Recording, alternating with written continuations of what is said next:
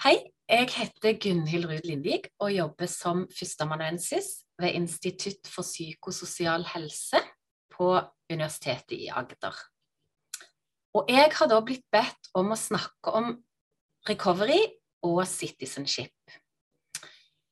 Det som jeg vil prøve å svare på, er dette. Hva innebærer begrepene recovery og citizenship innen psykisk helse og rusfeltet? Og hvorfor bruker jeg engelske begreper? Det er rett og slett fordi at det er utbredt i Norge på dette feltet å bruke disse begrepene på engelsk. Men vi bruker jo òg bedringsprosesser og medborgerskap. Eh, og derfor vil jeg veksle litt mellom de engelske og de norske begrepene.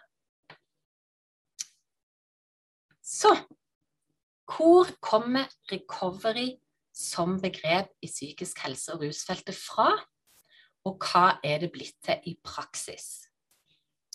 Det vil jeg prøve å svare på før jeg gjør greie for litt av kritikken som er kommet av recovery, sånn som det er blitt i praksis. Og så vil jeg se på eh, hva citizenship som begrep i psykisk helse- og rusfeltet innebærer, før jeg ser på forholdet mellom de to begrepene. Til slutt vil jeg svare oppsummerende på hva begrepene innebærer, og komme med noen avsluttende refleksjoner. Så Hvor kommer recovery-begrepet fra? Det som i dag gjerne omtales som recovery-bevegelsen innen psykisk helse- og rusfeltet starta primært som en borgerrettighetskamp i USA på 70-tallet. Tidligere og daværende psykiatriske pasienter organiserte seg som en borgerrettighetsbevegelse, inspirert av afroamerikaneres kamp for borgerrettigheter og de henta inspirasjon fra funksjonshemmedes kamp for reelle muligheter til fullverdig deltakelse i samfunnet. De protesterte mot diskriminering i samfunnet generelt. Det gjaldt i nabolaget, i kulturlivet, i arbeidslivet, i media, i politikk osv og i helsevesenet spesielt. De protesterte mot tvangsbehandling, maktmisbruk og feilslåtte behandlingsmetoder. Det er jo ikke for ingenting at store deler av brukerbevegelsen på psykisk helsefeltet omtaler seg selv som the survivor movement. Og da viser ikke overlevelse til at de har overlevd psykisk sykdom eller psykiske problemer, men at de har overlevd psykiatrisk behandling. Bevegelsen protesterte særlig mot bedringspessimismen som regjerte i psykiatrien. Var du først blitt såkalt alvorlig psykisk syk, så var du dømt til å være det resten av livet. Til tross for at solid forskning allerede den gangen viste at godt over 50% av såkalt alvorlig psykisk syke ble helt eller så godt som friske, i tråd med kliniske kriterier som er symptomfrihet eller betydelig symptomreduksjon. Men så gjorde brukerbevegelsen seg òg til talspersoner for en annen måte å forstå bedring eller recovery på de forbeholdt seg retten til å ikke ha som mål å bli friske, i den kliniske betydningen av ordet. For mange var, og er det f.eks. bedre å leve med stemmer i hodet enn å ta medisiner med alvorlige bivirkninger. Men selv om ikke alle med psykiske lidelser kan bli friske eller betraktelig bedre, går det an å få det bedre og ha det bedre, med eller uten vedvarende symptomer. Det har til og med vokst fram en slags pride-bevegelse, hvor folk løfter fram det positive de får ut av å erfare psykoser eller stemmehøring. De omtaler fenomenene som galskap og kaller seg sjøl gale. Nettstedet Mad in America er et eksempel på det. De har underavdelinger i flere land, og i Norge. madinnorway.org kan du se på. Mange foretrekker òg å forstå den psykiske annerledesheten som psykiske eller psykososiale funksjonsnedsettelser. Mental disabilities er vanlig på engelsk. På samme måte som noen lever med fysiske funksjonsnedsettelser. De er ikke syke, men de kan trenge tilrettelegging.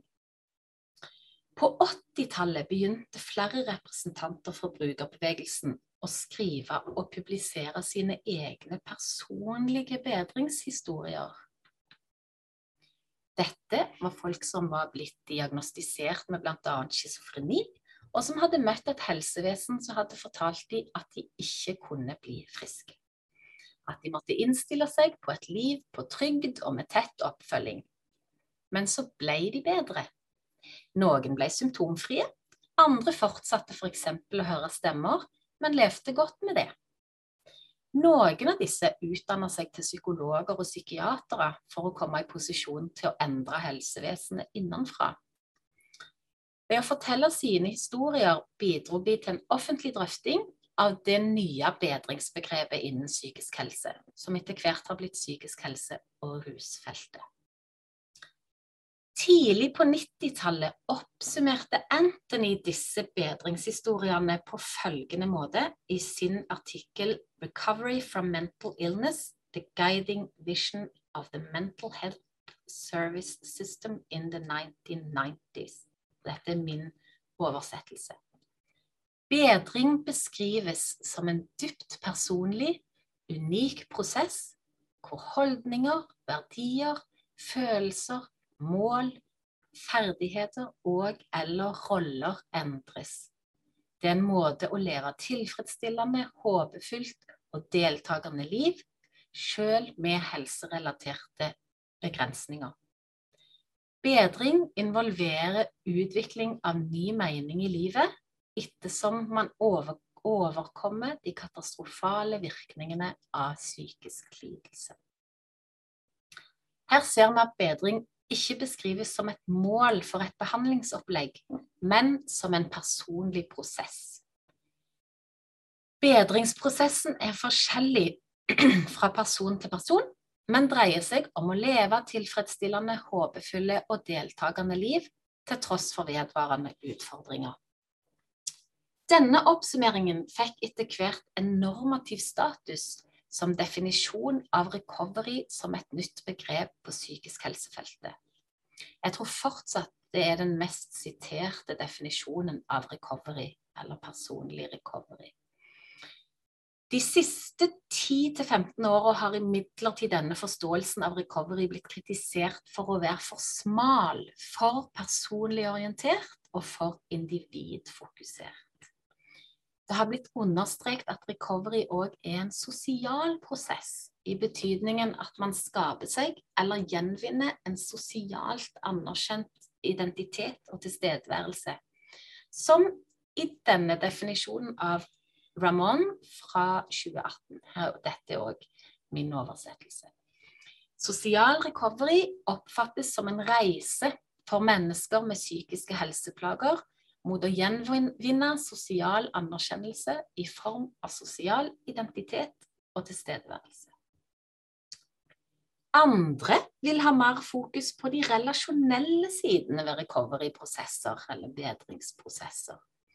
Rekke, Ness og Lien viser til at relasjonell recovery har blitt foreslått som et begrep hvor bedringserfaringer blir forstått som gjensidig avhengige av personens interpersonlige relasjoner og sosiale omgivelser, heller enn noe som skjer med og inni et individ. Forståelsen av recovery som en relasjonell prosess bygger altså på et syn på mennesket som et fundamentalt relasjonelt vesen. Livet foregår mellom mennesker mer enn inni mennesker. I tråd med dette kan recovery òg forstås som en felles prosess. Topor, Larsen og Bø har tatt utgangspunkt i Anthonys opprinnelige definisjon, men omskriver og inkluderer de sosiale og relasjonelle aspektene, i tillegg til at de inkluderer materielle omgivelser. Og da ser de sånn ut. Recovery er en dypt sosial, unik og felles prosess der våre levekår, materielle omgivelser holdninger, verdier, følelser, ferdigheter og eller roller endrer seg. Det er en måte å leve tilfredsstillende, håpefulle liv sammen med andre på. Selv om vi fremdeles kan være fortvila, ha uvanlige opplevelser og forstyrrende væremåter. Recovery innebærer at vi engasjerer oss i nye sosiale og materielle sammenhenger og i åpne dialoger der nye måter å forstå og håndtere situasjonen på skapes i takt med at vi overskrider den psykososiale, materielle krisen. Felles for alle disse ulike definisjonene er at recovery, eller bedring, når det gjelder psykiske og- eller rusrelaterte problemer, ikke trenger å bety klinisk bedring, i betydningen symptomreduksjon eller bortfall av symptomer. Bedring beskrives som en vedvarende prosess som gjerne handler mer om å få det bedre enn å bli bedre. Det handler om å leve et best mulig liv. Denne forståelsen av bedring har blitt misforstått eller misbrukt som argument for å legge ned tjenester. Hva skal vi med helsetilbud hvis bedring ikke er resultat av behandling, men en personlig prosess eller en måte å leve på? Men recovery-begrepet har i varierende grad likevel fått et slags fotfeste som forståelsesmodell i store deler av psykisk helse- og rusfeltet, og da særlig i lokalbaserte tjenester. Og da snakker vi gjerne om at tjenestene er recovery-støttende eller recovery-orienterte. Nå har vi sett at recovery-begrepet betegner en annen måte å forstå bedring på enn en klinisk måling av symptomer. Det refereres gjerne til som klinisk bedring eller klinisk recovery. I tråd med dette bærer recovery-begrepet òg i seg en annen måte å forstå psykisk helseproblematikk på. Og en vanlig måte å forklare en recovery-orientert forståelsesmodell er å vise hvordan den skiller seg fra den medisinske modellen som faget psykiatri bygger på. Psykiatri er jo en medisinsk disiplin, hvor man tror på objektiv kunnskap utvikla ved hjelp av naturvitenskapelige metoder. Og man bygger dermed på utenfrakunnskap, det som kan observeres, måles og tallfestes, og som gjerne presenteres i statistikk. Gullstandarden, som det kalles, er randomiserte, kontrollerte studier. Som, f.eks. når man måler effekten av et medikament, ved å sammenligne ei gruppe som får medikamentet, med ei gruppe som ikke får det. Og resultatene av sånne studier regnes for å være veldig sikker kunnskap. Så sikker at den jo omtales som evidens. Denne modellen har et sykdomsfokus det gjelder å få satt riktig diagnose, for da vet en hva som er riktig behandling. Altså forstås de psykiske utfordringene isolert som en sykdom som hovedsakelig har en biologisk årsak. Behandleren er eksperten, og målet er at pasienten underkaster seg et behandlingsregime og dette kalles gjerne compliance. Det legges vekt på metode og teknikk, fordi målet, som er symptomreduksjon, nås ved å behandle individet. I den recovery-orienterte forståelsesmodellen består kunnskapsgrunnlaget i stor grad av subjektive erfaringer som gjerne er vitenskapeliggjort ved hjelp av humanvitenskapelige tilnærminger. Og dette omtales gjerne som innenfra kunnskap. Denne kunnskapen regnes ikke som like sikker kunnskap, fordi man tenker at psykisk uhelse oppstår i en kontekst som er mer kompleks enn at man kan utvikle helt sikker og allmenngyldig kunnskap om den. Fokuset er på hva som kan gjøre livet bedre, mer enn hva som feiler personen. Da gir òg diagnoser mindre mening. En tror ikke at diagnoser nødvendigvis gir så mange svar. Problemene oppstår i en kontekst og må forstås i en kontekst. En tenker at folk har mye eh, kunnskap om sitt eget liv, og derfor blir brukermedvirkning viktig. Man legger vekt på dialog og relasjon, og målet om et best mulig liv kan bl.a. nås ved å bedre livsvilkårene. Selv om en sånn skjematisk oppstilling alltid vil bli litt for enkel, gir det et bilde av et ganske radikalt brudd med tradisjonell psykiatri. Men lignende humanistisk orienterte brudd med den medisinske psykiatrien har funnet sted før. I moral treatment-bevegelsen på 1800-tallet, terapeutiske samfunn på 1940-tallet og den såkalte antipsykiatrien på 60-tallet. Men hver gang har den medisinsk forankra psykiatrien holdt stand og beholdt eller gjenvunnet hegemoniet på feltet. Når recovery-bevegelsens forståelsesmodell og recovery-begrep har oppnådd så stor utbredelse i psykisk helse- og rusfeltet som den nå likevel har, kan det kanskje forklares med timing i form av at bevegelsens framvekst sammenfalt med at mye av langtidsoppfølgingen av mennesker med psykiske utfordringer ble flytta ut av de store psykiatriske institusjonene og inn i lokalsamfunnet. Recovery-bevegelsens bedringskonsept gir mer mening når det legges opp til at folk skal leve i et lokalsamfunn, enn hvis de skulle leve livet sitt på en institusjon. Men så er det verken ukomplisert eller uproblematisk når noe som starter som en protest fra en marginalisert gruppe, blir omfavna som noe som kan implementeres i et praksisfelt. Noe blir misforstått, og noe blir borte. Og noe blir kanskje fullstendig snudd på hodet. F.eks. For fordi de politiske premissene for praksis er preget av New Public Management, som bl.a. betyr at tjenestene må levere resultater som kan måles, og jobbe etter metoder med bevist effekt, som den evidensforskningen jeg snakket om. Det er ikke så lett å måle subjektive erfaringer av et bedre liv. Og individuelle veier til et bedre liv er nettopp individuelle. De kan ikke standardiseres.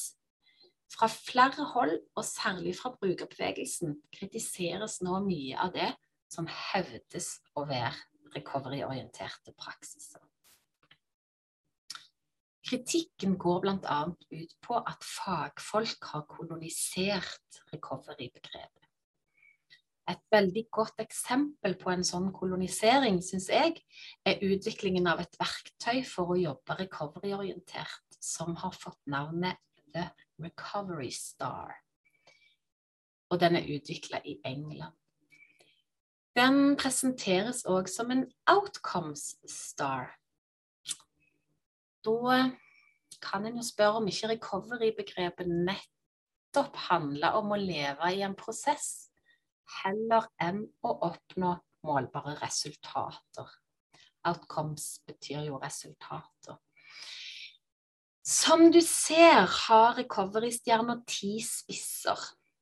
Hver av de peker mot et resultatområde hvor et mål skal nås ved å jobbe seg gjennom ti trinn, hvor hvert trinn har et delmål. Og de ti resultatområdene er mestring av psykisk helse, fysisk helse og egenomsorg, hverdagsferdigheter, sosiale nettverk, arbeid, relasjoner, avhengighet, ansvar, identitet og selvtillit, og tillit og håp. Her ser vi en tydelig individorientert praksis. På den måten at personen sjøl, med støtte fra fagfolk, skal jobbe og utvikle seg mot stadig høyere grad av mestring, helse og hverdagsferdigheter, ja, osv. Med denne koloniseringen som utgangspunkt har noen fra brukerbevegelsen danna et kollektiv som de rett og slett kaller 'recovery in the bin', altså i søpla med recovery. De har utvikla en unrecovery star. Den ser jo da ganske lik ut, men har disse punktene. Fattigdom, mangel på rettigheter, ustabile boforhold, sexisme, trans- og homofobi, diskriminering, økonomisk ulikhet, rasisme, traumer og traumer påført i behandling, og tap av velferdsordninger. Og recovery in the bin kritiserer ikke recovery-begrepet per se, men unrecovery-stjerner peker på ti samfunnsskapte hindringer for recovery. I motsetning til ti mål i livet som den enkelte skal utvikle seg mot innenfor et samfunn som likevel hindrer denne utviklingen. Her reflekteres recovery-bevegelsens opprinnelige kamp mot diskriminering og ekskludering, og for et samfunn tilrettelagt for reell samfunnsdeltagelse, og for de med psykososiale funksjonsnedsettelser eller utfordringer. Hvor har disse dimensjonene blitt av i det såkalt recovery-orienterte rus- og psykisk helsearbeid? Det er her begrepet citizenship, eller medborgerskap, blir aktuelt. I deler av citizenship-litteraturen, hvis jeg kan kalle noe for det, blir medborgerskap eller citizenship beskrevet som en del av recovery-begrepet som har havna i skyggen av et for ensidig fokus på bedring som personlig og individuell prosess. Andre, som f.eks. Liz Says, beskriver citizenship mer som et eget begrep eller konsept som overlapper og utfyller recovery-begrepet. Says har selv erfaring med å være innlagt i psykisk helsevern, og hun ga i 2002 ut boka 'From Psychiatric Patient to Citizen'. I 2016 kom hun med oppfølgeren 'From Psychiatric Patient to Citizen Revisited'. Hun legger denne definisjonen av citizenship til grunn for bøkene, her i min oversettelse. Kjernedefinisjonen av medborgerskap er retten til full og likeverdig deltakelse i samfunnet. Hennes utgangspunkt er at mangel på deltakelse i samfunnet først og fremst skyldes diskriminering. At man hindres i å delta på bakgrunn av psykiske utfordringer. Og hun ser lite bedring i situasjonen fra 2000 til 2016. Seis deler medborgerskapet inn i tre samfunnsområder. Sosialt, økonomisk og politisk medborgerskap. Medborgerskap handler om å ikke diskrimineres eller ekskluderes fra kulturlivet, fritidsaktiviteter, nabolag og foreninger. Det handler om deltakelse i det ordinære arbeidslivet. Og eller å kunne motta f.eks. trygd, uten urimelige krav, sitt i lys av utfordringene folk lever med. Det handler om rettssikkerhet, f.eks. i møte med behandlingsapparatet. Og det handler om reell politisk deltakelse. Dette står veldig godt i forhold til punktene i Unrecovery-stjerna, som du ser her. Og i likhet med folka bak den stjerna, mener òg Seis at diskriminering både skaper og forsterker psykiske utfordringer. Dermed må medborgerskap, likeverdig deltakelse i samfunnet, forstås som en forutsetning for bedring i betydningen å få et bedre liv.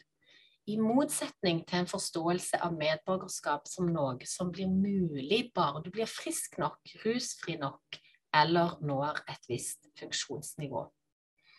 Altså forklares folks begrensa medborgerskap som et samfunnsskapt problem, og løsningen ligger i all hovedsak i å endre samfunnet. Så hvordan skal tjenestene på psykisk helse- og rusfeltet bidra mot diskriminering i kulturlivet? Eller for politisk deltakelse? Går det an å jobbe citizenship-orientert i hjelpeapparatet? Michael Rowe er en av de som tydelig kobler citizenship og sosial recovery. Roe sin bakgrunn er oppsøkende arbeid blant hjemløse i USA, altså de mest marginaliserte av de med utfordringer knytta til rus, psykisk helse eller kriminalitet. Han definerer citizenship på flere måter og på flere nivåer. Her definerer han bl.a. citizenship som noe som kan måles. Det er min oversettelse igjen, og min utheving Citizenship er et mål på styrken av en persons stilling når det gjelder de fem r-ene rettigheter, ansvar, roller, ressurser og relasjoner som samfunnet gjør tilgjengelige for sine medlemmer gjennom offentlige og sosiale institusjoner, samt hverdagslivet i nabolag og lokalsamfunn. Men videre Nei, her legger eh, Her òg legges ansvaret i hovedsak på samfunnsnivå. Men videre konkretiserer Roe disse fem r-ene som et rammeverk for citizenship-orientering. Rettigheter dreier seg òg hos Roe om rettssikkerhet og rett til politisk deltakelse. Ansvar handler både om at individet må få støtte til å ta ansvar for både seg selv og andre, og om samfunnets ansvar for å inkludere, tilrettelegge, bygge ned barrierer osv. Roller dreier seg om muligheten til å gestalte verdsatte roller, som gjerne er roller hvor man har en viss innflytelse, det kan f.eks. være å sitte i styret i en velforening. Eller som på sosionomstudiet her på UiA, hvor folk med egen erfaring med psykisk helse eller rusutfordringer går inn i rollen som veileder for studentene når de er i praksis. Det er òg blitt ganske utbredt å ansette folk med egen erfaring i helse- og oppfølgingstjenester på psykisk helse- og rusfeltet. Dere kjenner sikkert til erfaringskonsulenter eller medarbeidere med brukererfaring.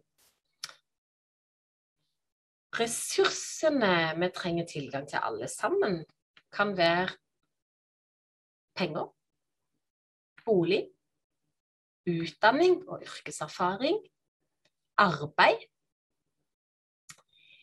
Eh, og relasjoner kan dreie seg om både å få hjelp til å bygge seg et nettverk, og at eksisterende arenaer for relasjonsbygging gjøres tilgjengelige.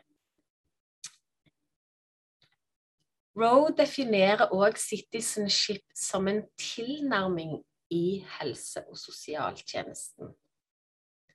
Da handler det primært om hvordan helse- og sosialarbeidere kan støtte et individ på veien til økt samfunnsdeltagelse.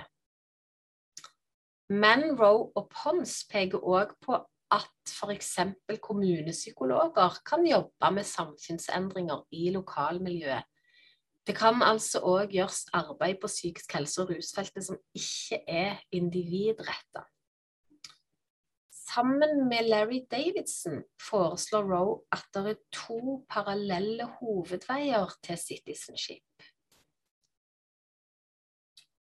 Støtte individets egeninnsats, og samfunnet tar ansvar for å tilrettelegge for og gi tilgang til full deltakelse. Og denne veien nummer to forutsetter ofte sosial aktivisme fra eller på vegne av de ekskluderte gruppene. Så litt oppsummert. Hva innebærer begrepene recovery og citizenship? Eh, ja, skal vi se. Hvis jeg da skal gi et oppsummerende svar på hva begrepene recovery og citizenship innebærer, tenker jeg at de avhenger litt av hvordan en velger å avgrense begrepene mot hverandre. Men som to litt overlappende begrep tenker jeg vi kan si at recovery innebærer en dreining fra et sykdomsfokus til et individuelt bedringsfokus, i betydningen å få det bedre heller enn nødvendigvis å bli bedre i klinisk betydning av bedring. Det innebærer økt fokus på individets ressurser, ønsker og egeninnsats. Og det innebærer arbeid med å bedre levekår, som bolig, arbeid, økonomi, sosiale nettverk osv. Og videre kan en si at citizenship innebærer en dreining mot mer samfunnsfokus, økt fokus på samfunnets ansvar, som gjelder styresmakter, lokalmiljø og aktivister. Uh, og det innebærer å avsløre og endre strukturelle levekårsutfordringer. Så kan en spørre hvor mye av dette som er en oppgave for psykisk helse- og rusfeltet, i alle fall forstått som praksisfelt. Men hvis man tar med forskningsfeltet, vil et citizenship-fokus innebære f.eks. For å forske på diskriminering, og på politisk nivå vil det innebære å jobbe med lovendringer og tiltak som muliggjør full samfunnsdeltakelse for alle. Så vil jeg bare komme med noen refleksjoner til slutt. Og først da, så vil jeg si at min framstilling av recovery-begrepet sin framvekst på psykisk helse- og rusfeltet er ingen fasit. Bevegelser og fenomener oppstår ikke i et vakuum, og det kan foregå lignende prosesser med lignende innhold mer eller mindre parallelt ulike steder i verden. Så dette var én måte å framstille utviklingen på. Kanskje vil andre fortelle historien på en annen måte. Jeg var f.eks. inne på at noe av tankegodset bak recovery-begrepet slett ikke var noe helt nytt på 70- og 80-tallet.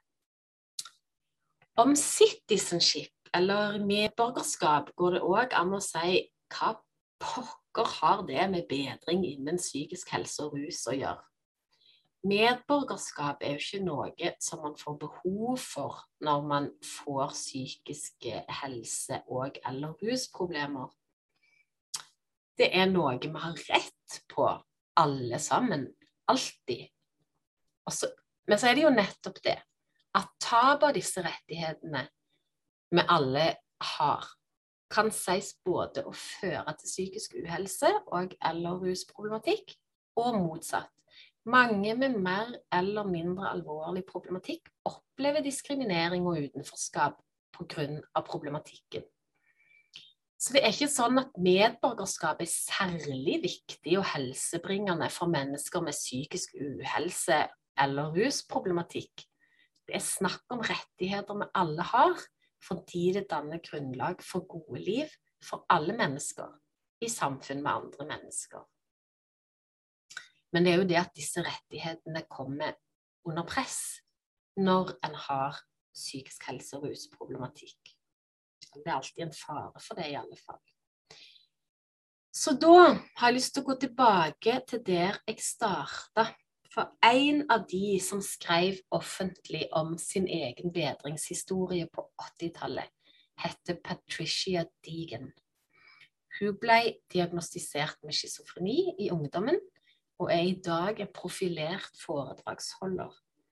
Hun har på vegne av seg sjøl og brukerbevegelsen sagt det sånn vi vil ikke ha det dere tilbyr oss. Vi vil ha det dere har. Så det var det jeg hadde å si.